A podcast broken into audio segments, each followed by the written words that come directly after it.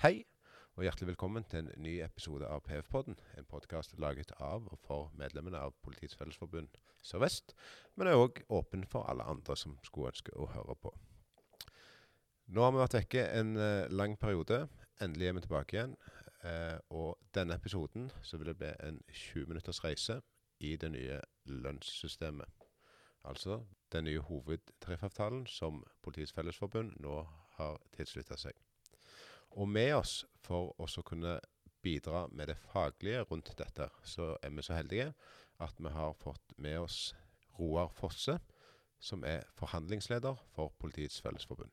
Poli 1, poli 2, poli 3, poli 4, poli 5, poli 6, poli 7, poli 8, poli 9, poli 10.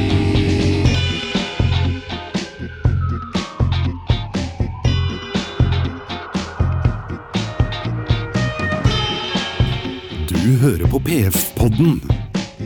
En pod man kan stole på.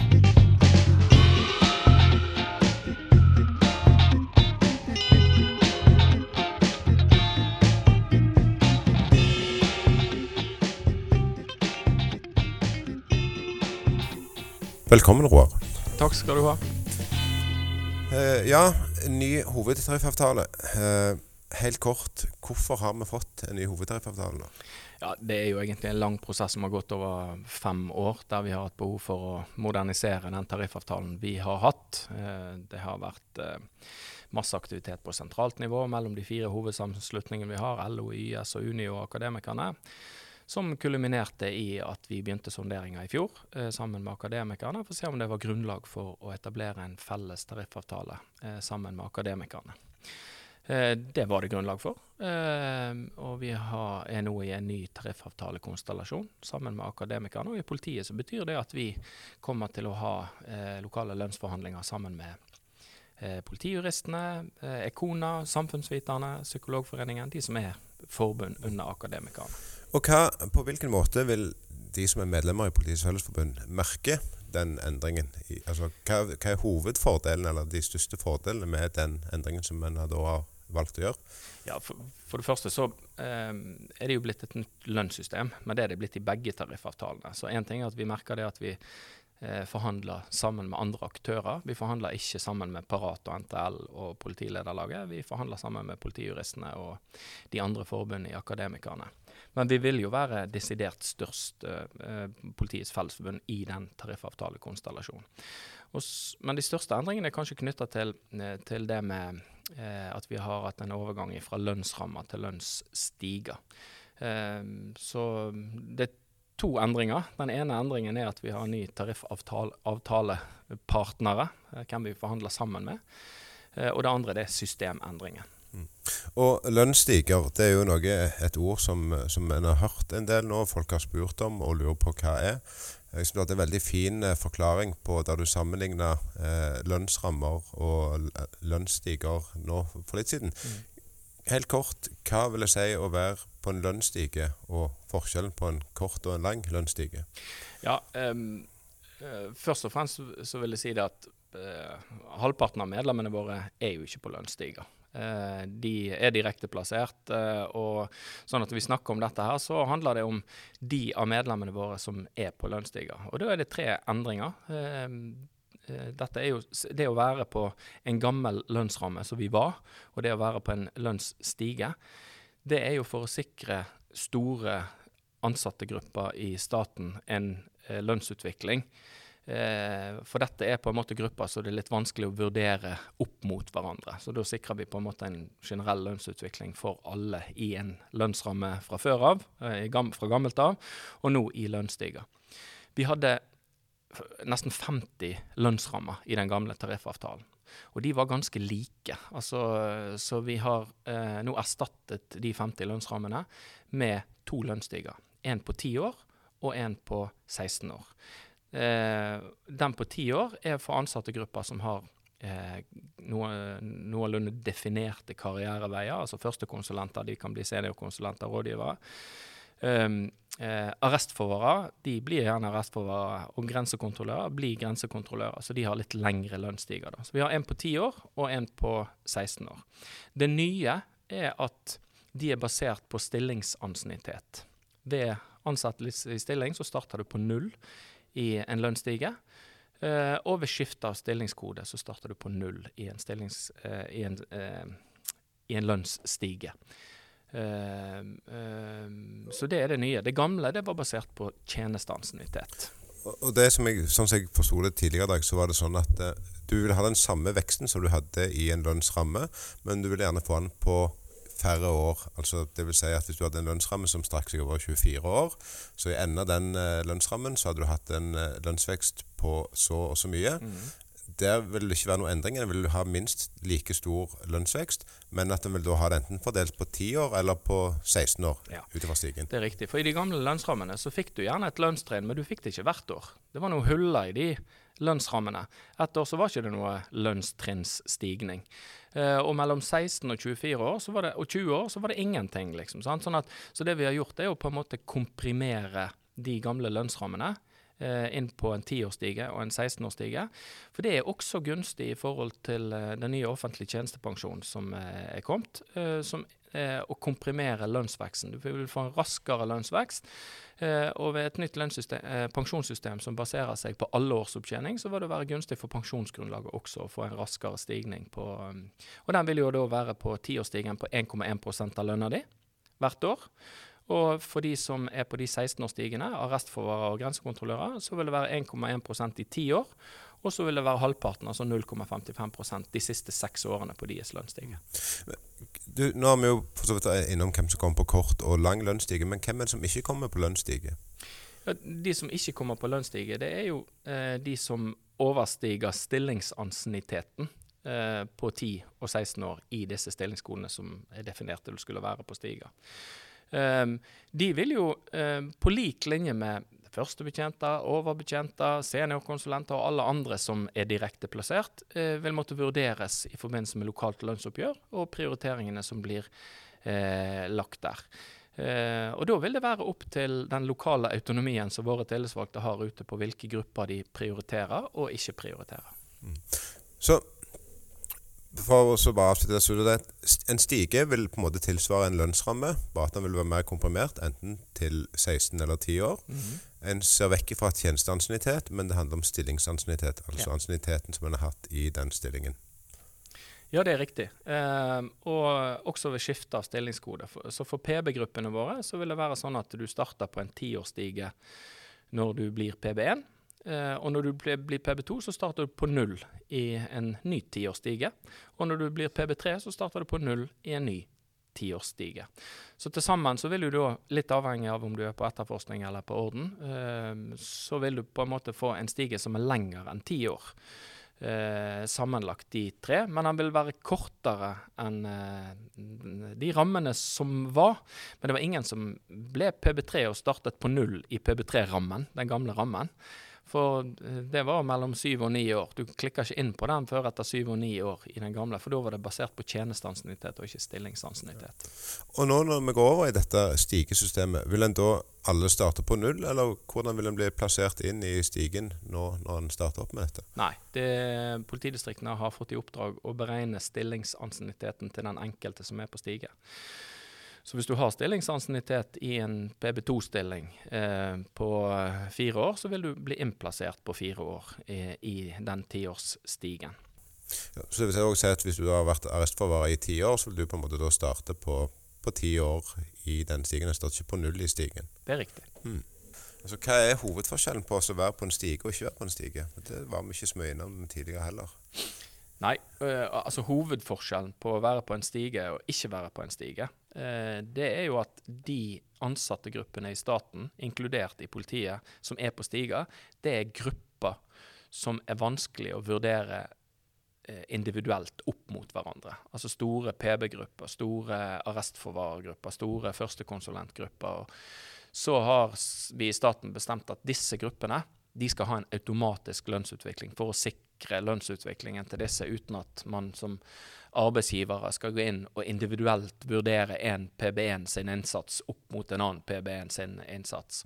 Mens andre grupper, en typisk økonom eller jurist eller psykolog, eller, eller, hvis du kommer litt høyere opp i lederstillinger, sånn som det, så er det mer individuelle vurderinger. Liksom. Dette, er ikke, det, det, er grupper som enten ivaretas av sin egen forhandlingskraft, eller eh, at man eh, uh, lønnskrav i disse stillingene her. For det det Du kan si det på den måten at en økonom eh, har et veldig mye større arbeidsmarked og, og, forhandlingskraft på sin kompetanse enn en politibetjent to. Sant? For det er vanskelig for en politibetjent to å si at hvis det ikke er for høyere lønn nå, så begynner jeg i en annen politietat.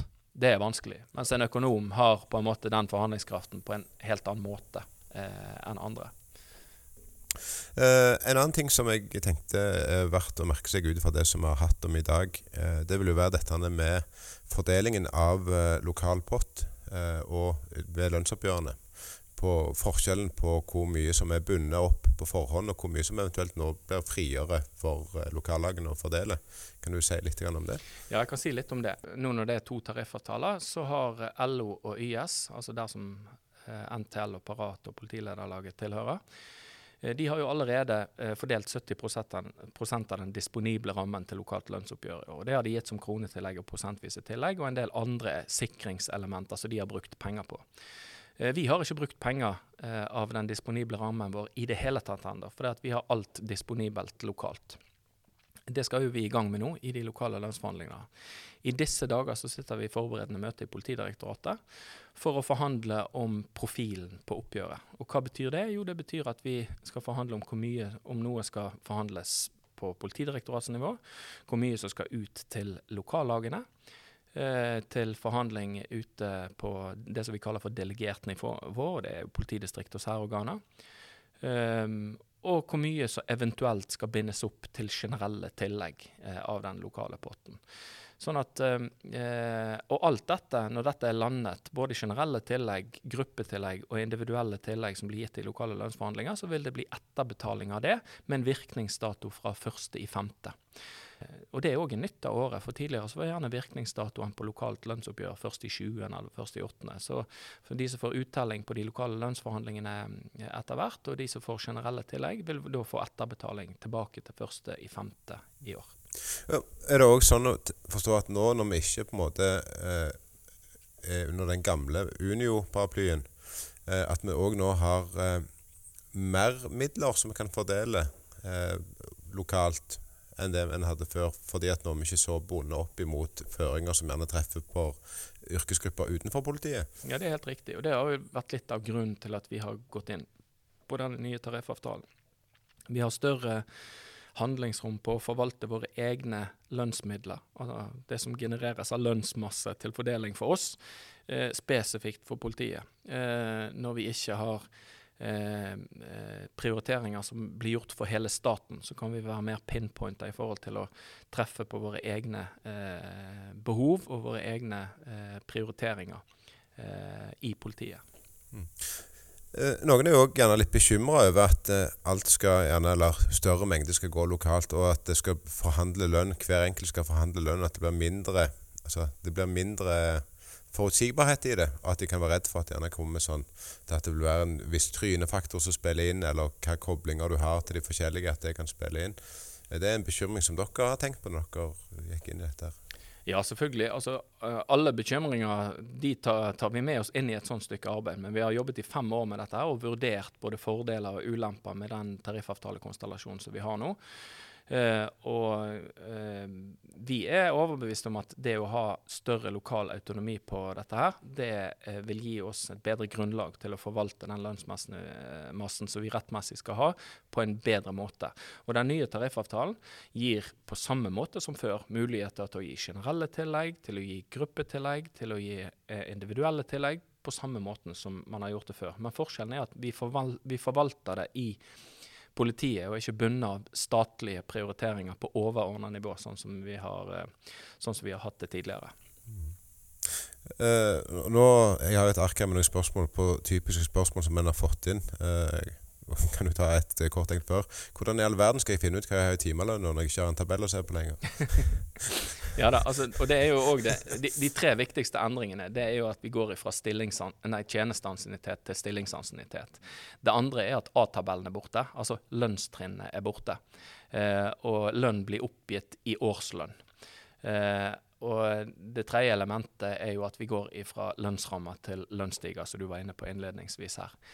Men det er klart at altså dette med lønnstrinn det kan jo på en måte oppleves som litt utrygt for våre medlemmer i politiet, for vi har alltid vært vant til å forholde oss til lønnstrinn.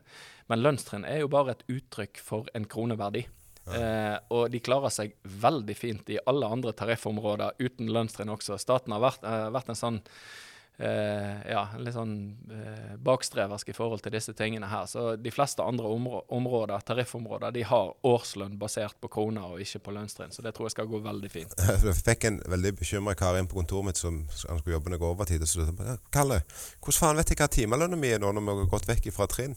Jeg er da tydeligvis vant med å se i den gamle almanakken ja. og, og, finne timelønn. Men nå er det rett og slett at nå må du fram med kalkulatoren og så dele årslønn på antall uh, måneder og uker og timer. Ja, og Det kan du se i tariffavtalen. Der er det en vei, veldig grei oversikt over hva som er årslønn, og hva som er månedslønn, og hva som er eh, timelønn.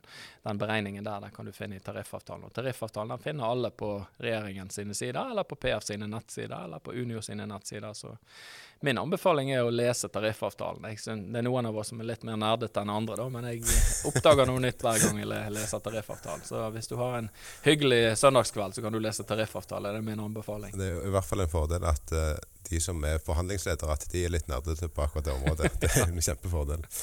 Um, hjelper det å bytte fagforening for å komme inn på den andre avtalen? Nå er jo vårt mål å ivareta våre medlemmer best på vår tariffavtale, naturligvis. Eh, og det har jeg stort håp om at vi skal være fullt i stand til. Eh, men hvis du vurderer å bytte tariffavtale, så er jo det sånn at den tariffavtalen du var eh, medlem på per 1.5.2022, den er du bundet av ut tariffperioden. Dvs. Si fram til neste hovedtariffoppgjør i 2024.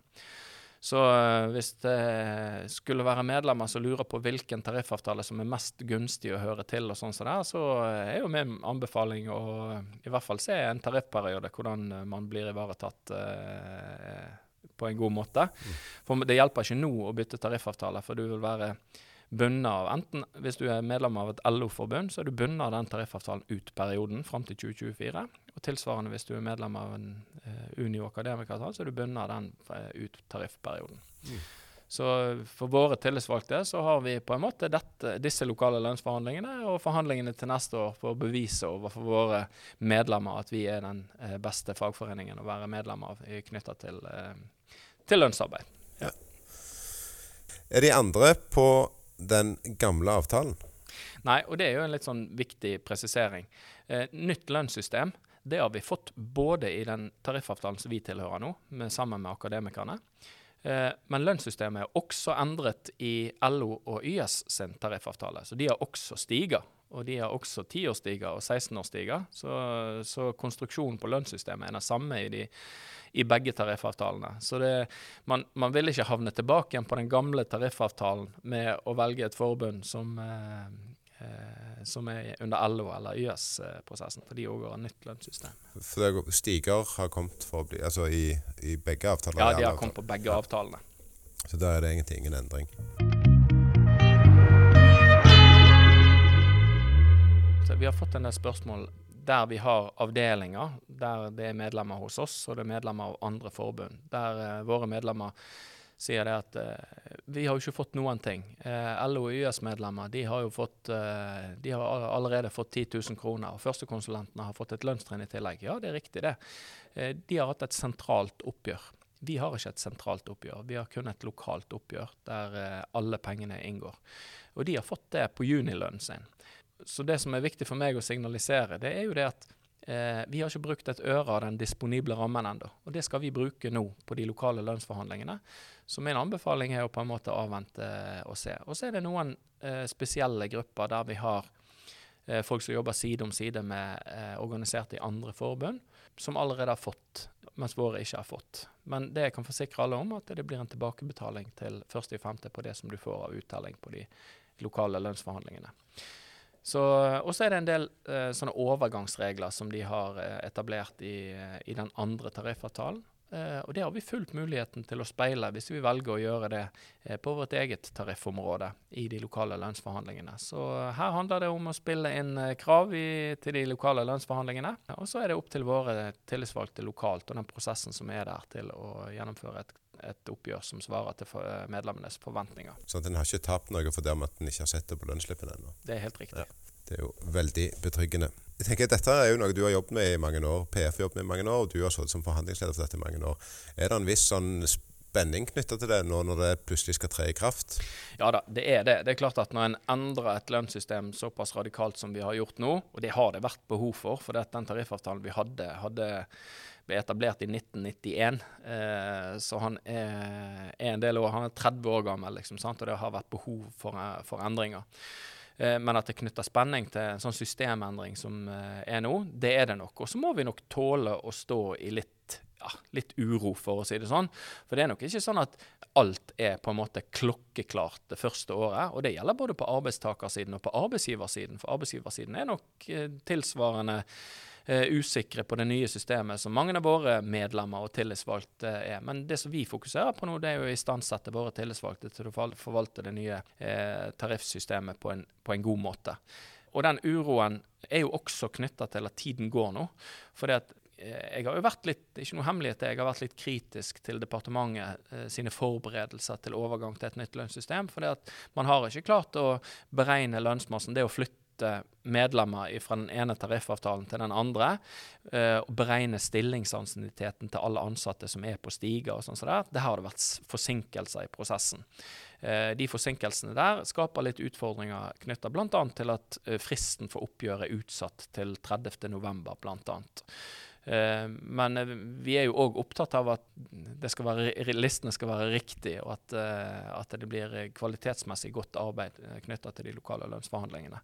Så, så vi må nok Vi aksepterte den utsettelsen til 30.11. for å få riktig tallgrunnlag og alle disse tingene her inni. Og så kan det jo òg sies at på denne tariffavtalen her så er jo som vi er på, så er jo lønnsnivået generelt sett høyere enn på den andre tariffavtalen. Noe som på en måte avstedkommer at eh, lønnsmassen som blir tilgjengeliggjort for lokale lønnsforhandlinger, eh, også blir større. Og I tillegg så er dette den største tariffavtalen på, på, virksomheten vår. og Det gjør at vi forvalter også lønnsmassen til de uorganiserte.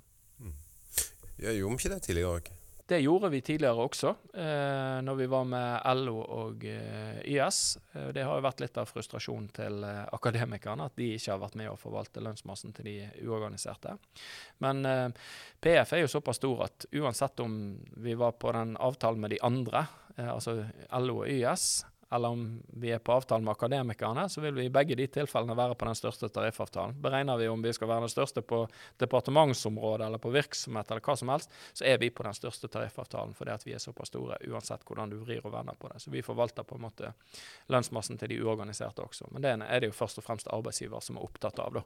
Eh, å forvalte på en god måte. Men vi er jo, som fagforening, er jo vi opptatt av at det skal ikke lønne seg å være uorganisert. Det ligger vel som en sånn grunnleggende eh, premiss fra vår side. Eh, det som er mine anbefalinger nå når eh, vi går inn i et lokalt lønnsoppgjør, det er spill inn krav på min side. Det tror jeg er åpnet nå lokalt. Spill inn til din tillitsvalgte hvis du har et lønnskrav. Eh, og Hvis du har spørsmål knytta til det nye lønnssystemet, så uh, gjør vi vårt beste i forhold til å istandsette våre lokale tillitsvalgte til å kunne ha kompetanse til å svare opp uh, medlemmene om det nye lønnssystemet. Hvis det er noe du lurer på, så er det fullt mulig å gå inn på pf.no. På nettsidene våre. Der har vi laget en sånn Q&A, som det heter på nynorsk. Ja. question and answer. Og der ligger en del av de mest vanlige spørsmålene med svar. Eh, så har du interesse, så er det bare å gå inn på nettsidene våre og lese seg opp der. Du, tusen takk for at du tok deg tid nå på vei ut til flyplassen til å ta denne samtalen. Jeg ja. håper at uh, mange som har uh, fått svar på noe av det de lurte på, at de i hvert fall nå vet hvor de kan finne svar på dette, som det er ting som ikke har vært innom. Ellers kan de jo bare spørre deg, vet du, for du har jo sittet her i tre timer. ja, ja, Det er nok en gang en sånn greie der jeg sitter og er veldig enig i alt som blir sagt, og så hvis noen spør meg hva var det egentlig som ble sagt, så husker jeg ingenting. ja da. Veldig bra. Tusen takk for at du tok turen innom, Roar. Alt i orden.